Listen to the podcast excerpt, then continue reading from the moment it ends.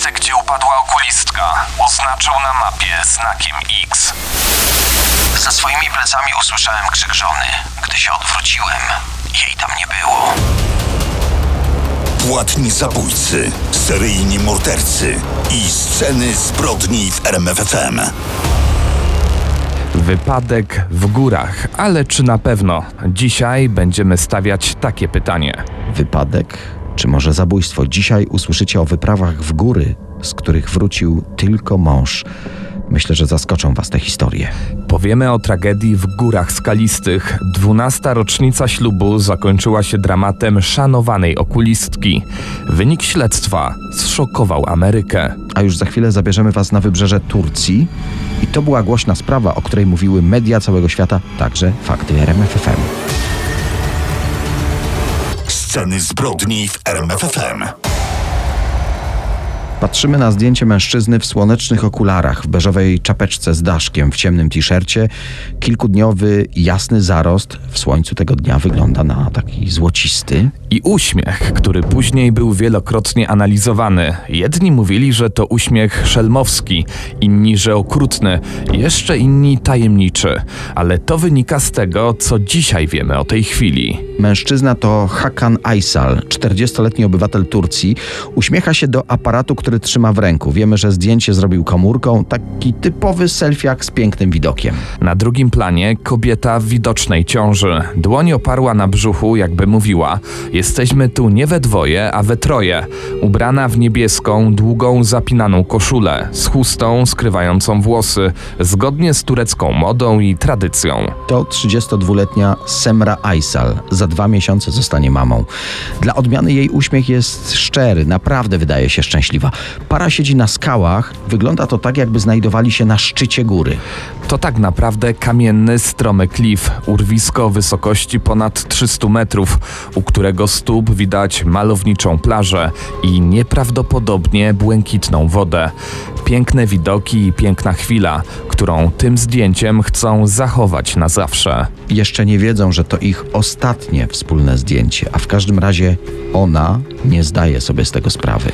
Jest 19 czerwca 2018 roku. W Dolinie Motyli panuje piękna pogoda, pełne słońce, lekka bryza od morza. Dolina Motyli to malowniczo położony region w prowincji Mula nad Morzem Egejskim. Region rozciąga się wzdłuż wybrzeża, ale ukształtowanie terenu bardziej przypomina góry niż morze. Mnóstwo pagórków, strome zbocza, no i właśnie ostre nadmorskie klify. No i bujna zieleń. Pośród surowych skał szemrzące strumyki, wodospady, piaszczyste plaże i liczne zatoki z lazurową wręcz wodą. Piękne miejsce, które przyciąga wielu turystów. A najbardziej malowniczym miejscem tego bardzo malowniczego krajobrazu, prawdziwym hitem turystycznym prowincji Mula jest właśnie wspomniana Dolina Motyli. I tu wybrało się owo tureckie małżeństwo Aysal. Spędzili tu około trzech godzin. Żonie pobyt na urwisku zaczął się dłużyć, ale mąż wciąż namawiał: Zostańmy jeszcze chwilę. W końcu zaczęli się zbierać, ale mąż tym razem zaproponował wspólne zdjęcie. W tym celu chciałby podeszli trochę bliżej krawędzi klifu. Stamtąd widok będzie jeszcze lepszy. Ustawili się do zdjęcia, od którego zaczęliśmy naszą opowieść. Mąż tak opisał to, co działo się na szczycie. Po tym jak zrobiliśmy zdjęcie, żona schowała telefon do swojej torebki. Nieco później poprosiła mnie, żebym podał jej telefon. Wstałem i zrobiłem kilka kroków w kierunku torebki, by jej ją podać. Za swoimi plecami usłyszałem krzyk żony. Gdy się odwróciłem, jej tam nie było. Najwyraźniej Semra traci równowagę i spada z urwiska. A może zasłabła, to się zdarza w zaawansowanej ciąży, zwłaszcza w gorącym dniu i pełnym słońcu. Co za tragiczny wypadek. Z klifu spada 32-letnia kobieta w siódmym miesiącu ciąży. Ponad 300-metrowa przepaść. Jej mąż podejrzewa, że poślizgnęła się tuż przy krawędzi klifu. Był do niej odwrócony plecami, a zaledwie moment wcześniej wykonali sobie wspólne selfie. Mąż wybiegł na drogę, próbuje zatrzymać przejeżdżający samochód. Kierowca przystaje i słyszy, że był straszny wypadek. Rusza szukać kobiety. Dołącza do tych poszukiwań kolejny mężczyzna. Ale z klifu nie mogą dostrzec kobiety. Wychylają się niebezpiecznie i nadal nic. Po zgłoszeniu w rejon wysłano zespoły UMKE, AKUT i AFAD, czyli takie zespoły ratowników, e, służby tureckie, które zajmują się sytuacjami kryzysowymi. Ratownicy zdołali zejść z klifu. U jego podstawy, na skałach w płytkiej wodzie, odnaleziono ciało Semry Aysal. Nie dawała żadnych znaków życia. Z trudem na noszach wyniesiono jej ciało na bardziej dostępny teren. Sekcja zwłok potwierdziła, że śmierć nastąpiła wskutek upadku z dużej wysokości. Nie udało się również uratować jej dziecka. Semra Aysal została pochowana w Stambule. A jej mąż. I tu następuje cały szereg podejrzanych zdarzeń. Tak przynajmniej widzą to krewni zmarłej kobiety. Hakan Aysal prawie nie okazuje smutku. Owszem, kilka miesięcy później odwiedza ponownie Dolinę Motyli, zapozował do zdjęcia i wrzucił na swój profil z adnotacją W miejscu, które kiedyś było moim rajem, nie ma już słońca. Ale poza tym, no nic nie wskazuje na to, że przeżywa żałobę. Wręcz przeciwnie. Już dwa dni po pogrzebie zgłasza się do firmy ubezpieczeniowej po wypłatę z polisy małżonki 400 tysięcy lir. A potem zaczyna żyć jak król. Już miesiąc później wyjeżdża na urlop. Na jego mediach społecznościowych pojawiają się kolejne zdjęcia z kolejnych wycieczek i ekstremalnych wyczynów. Ta sytuacja daje także do myślenia policji, zwłaszcza, że i media zaczęły się interesować nagłą zmianą w życiu mężczyzny. Opublikowały również ostatnie zdjęcie pary, wykonane tuż przed tragicznym wypadkiem. I wówczas pojawia się świadek, który tamtego feralnego dnia był w Dolinie Motyli. Przeglądał swój film, który wtedy nagrał i zauważył, że para ze zdjęcia jest uchwycona w kadrze, a ich zachowanie mocno przykuwa uwagę. Rodzina też nie może pogodzić się ze śmiercią Semry. Jej siostra przekazała służbom, że zmarła kobieta panicznie bała się wysokości. Co więc robiła na krawędzi klifu? Mąż musiał zwabić ją jakoś na skraj przepaści. Za to mąż wdowiec podtrzymywał swoją wersję, że jego żona była miłośniczką sportów ekstremalnych, zresztą podobnie jak on. To było wystarczająco wiele sygnałów, by policja zainteresowała się sprawą. Śledczy poszli tropem pieniędzy, czyli tej polisy, którą zrealizował kilka dni po śmierci jego ukochanej żony i nienarodzonego dziecka. 400 tysięcy tureckich lir. Po przeliczeniu tej kwoty przy obecnym kursie to może nie robi aż takiego wrażenia, bo to niespełna 60 tysięcy złotych, ale trzeba pamiętać, że minęło 5 lat i w tym czasie inflacja w Turcji była gigantyczna. Rosła, a z nią wzrastały ceny. To odbiło się też na światowych kursach lir. W 2018 roku 400 tysięcy lir to w przeliczeniu ponad 200 tysięcy złotych, a w Turcji to naprawdę gigantyczne pieniądze. Po bliższym zbadaniu sprawy okazało się, że tę polisę Aysal wykupił na żonę tuż przed jej tragicznym wypadkiem. No właśnie, czy na pewno wypadkiem? W ramach śledztwa w listopadzie 2020 roku zatrzymano i aresztowano Hakana Aysala z oskarżeniem, że zepchnął swoją żonę w celu pozbawienia jej życia. Hakan Aysal oczywiście zaprzeczył, nie miał nic wspólnego z tym wypadkiem, a tym bardziej nie zepchnął celowo swojej żony. Kochał ją, oczekiwał tak bardzo ich wspólnego dziecka. rozpoczął się skomplikowany proces. Świadkowie zwracali uwagę, że Aysal był zupełnie spokojny, gdy niby wzywał pomoc po śmierci Semry. Wspomnieliśmy już, że zatrzymał m.in. na pobliskiej drodze przejeżdżającego kierowcę. Said Erturk tak to zapamiętał. Prowadziłem samochód, gdy zobaczyłem kogoś, kto do mnie macha. Zatrzymałem się. Hakan podszedł i powiedział, że jego żona spadła z klifu. Natychmiast wyszliśmy z auta i zaczęliśmy jej szukać, ale z miejsca, w którym się znajdowaliśmy, nie mogliśmy zobaczyć, gdzie kobieta mogła spaść. Próbowaliśmy podejść trochę bliżej krawędzi urwiska, żeby lepiej widzieć. Hakan nie poszedł tam z nami. Zostaliśmy tam aż do przybycia żandarmerii. Przed sądem kierowca dodał: Hakan był bardzo beztroski i spokojny. Nie zachowywał się jak mężczyzna, którego żona właśnie spadła z klifu. Inny ze świadków, Recep Sahin, był w okolicy z córką. Chcieli zobaczyć panoramę na pobliską zatokę Kabak. Jego córka wzięła telefon i filmowała to, co działo się poniżej urwiska. Przypadkowo uchwyciła także parę siedzącą na jego skraju. Było to dosłownie na chwilę przed śmiercią kobiety. Świadek zeznał, że zwrócił uwagę na parę. Osobliwie się zachowywali. Cytujemy. Córka filmowała widok moim telefonem i wówczas Aisalowie zeszli ze zbocza. Na filmie słychać rozmowę tej rodziny. Obraz filmowany dziecięcą ręką przenosi się raz w prawo, raz w lewo. I właśnie po prawej stronie kadru widać, jak mężczyzna sprowadza kobietę nieco w dół zbocza, bliżej i bliżej urwiska. Kobieta idzie chwiejnym krokiem. Mężczyzna ni to podpiera ją, ni to ciągnie. Oddajmy głos świadkowi, którego córka filmowała krajobraz. Cytujemy. Nawet zażartowaliśmy, że albo ten mężczyzna zrzuci tę kobietę, albo ta kobieta zrzuci tego mężczyznę. Żart okazał się niestety ponurą prawdą. Obaj ci świadkowie podkreślali, że gdy służby zajmowały się ratowaniem kobiety, jej mąż zachowywał spokój. Podkreślmy też, że jeden ze świadków uchwycił moment, w którym mąż Semry wręcz ciągnął ją w stronę krawędzi klifu, ale na nagraniu zabrakło kluczowego momentu, gdy kobieta spadła bądź została zepchnięta. Oskarżyciel zwrócił uwagę, że para spędziła na klifie aż trzy godziny. Wysnuł tezę, że to Aysal nalegał, by posiedzieli tam jeszcze chwilę. Najwyraźniej czekał na moment, w którym będzie miał absolutną pewność, że w okolicy nie będzie nikogo, kto mógłby zauważyć, co on chce uczynić. Prokuratura przesłuchała m.in. brata Semry Aysal.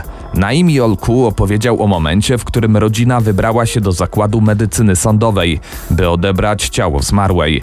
Byliśmy dosłownie zdruzgotani. Hakan po prostu siedział w samochodzie, nie okazywał smutku.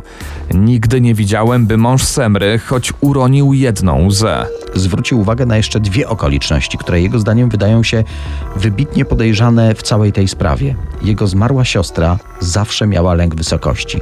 Nie wierzył, by z własnej woli i dla przyjemności siedziała na krawędzi klifu nad ponad 300-metrową przepaścią. A kolejna okoliczność, Semra była przeciwna zaciąganiu kredytów, a jednak po śmierci jego siostry rodzina odkryła, że były na nią zaciągnięte trzy pożyczki. Wszystkie w jej imieniu wziął mąż. Tym tropem także podążała prokuratura.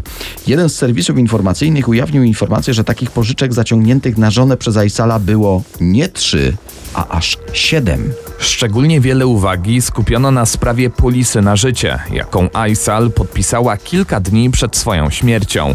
Jej mąż nie widział w tym nic podejrzanego. Twierdził, że zanim się pobrali, sam miał wykupione podobne ubezpieczenie. W 2014 roku zaczął się interesować no, na poważniej sportami ekstremalnymi. Na swoim Instagramie wrzucał zdjęcia z lotów ze spadochronem, skoków na bungee, z nurkowania, także z raftingu, czyli to jest taka ekstremalna odmiana spływów pontonowych rwącymi rzekami, no i właśnie górskie wycieczki. Aysal twierdził, że nie przyglądał się treści polisy żony, po prostu zamówił dla niej taką samą. Wszystkim zajął się pracownik banku. Ja po prostu zaniosłem ją żonie, żeby podpisała. W polisie był zapis, że na wypadek śmierci to on będzie jedynym beneficjentem polisy. Gdyby zginęli oboje, to jego rodzina otrzyma pieniądze. Zaprzeczył, by w ogóle zwrócił uwagę na ten paragraf. W czasie procesu obrońcy próbowali przyjąć linię, że w momencie zdarzenia mąż zmarłej cierpiał na zaburzenia psychiczne, że był niepoczytalny, ale biegli medycy uznali, że w momencie popełnienia zbrodni był w pełni świadomy. Ta głośna sprawa zwróciła uwagę społeczeństwa na szerszy problem, jakim jest w ogóle w Turcji kobietobójstwo. Ten przypadek okazał się jednym z wielu podobnych w ostatnich latach, gdy to mąż morduje swoją żonę, a później uchodzi mu to bezkarnie. W tym przypadku tak się nie stało. 41-letni Hakan Aysal za zabójstwo swojej żony, będącej w siódmym miesiącu ciąży, usłyszał wyrok dożywotniego więzienia. Będzie mógł ubiegać się o zwolnienie warunkowe, najwcześniej po 30 latach za kratkami. Brat zamordowanej Semry Aysal powiedział: Nasz ból jest ogromny, ale po wydanym wyroku odczuliśmy ulgę.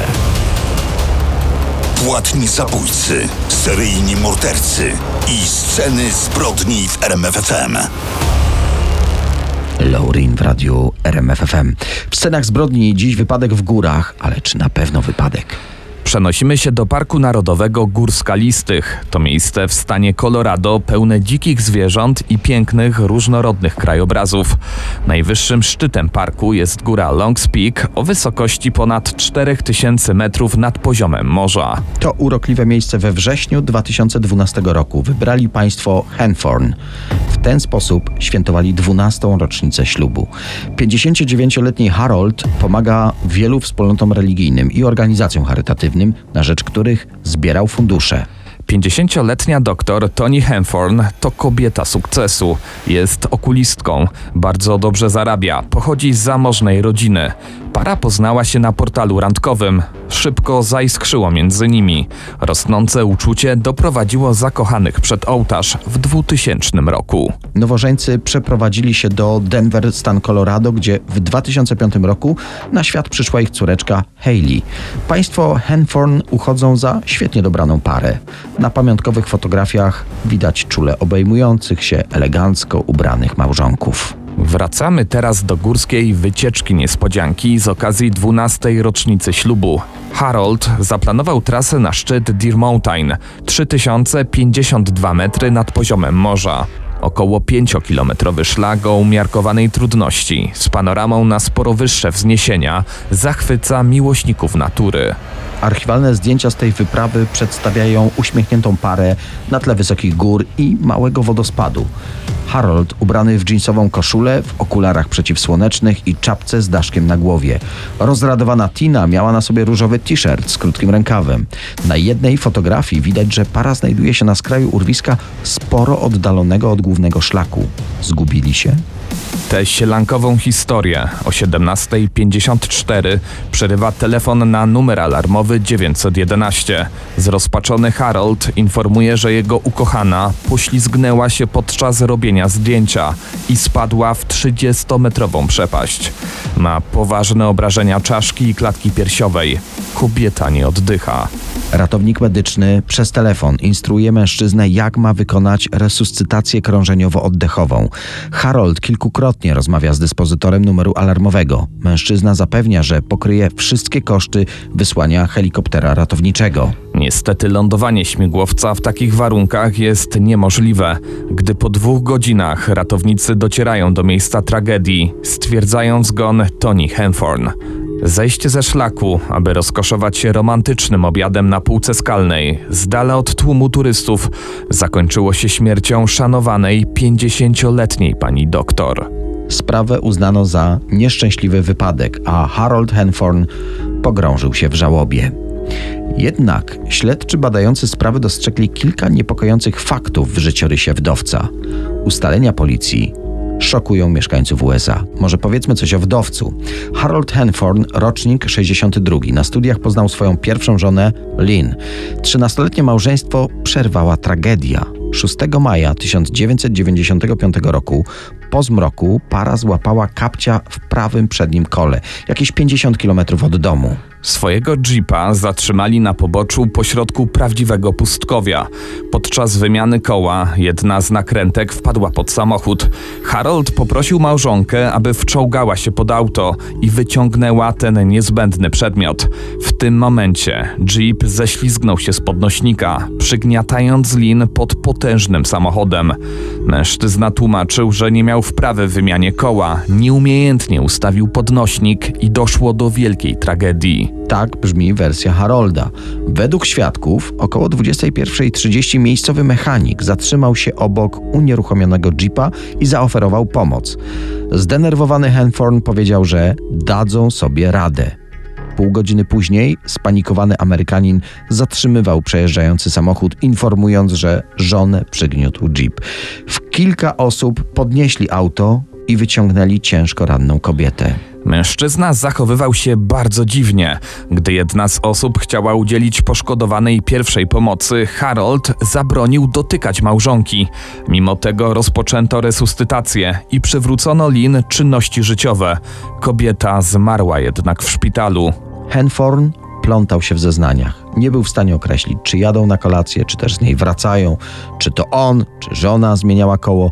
Wymieniona opona wcale nie była przebita. Co dziwne, ciśnienie w niej było niewiele niższe niż w kole zapasowym.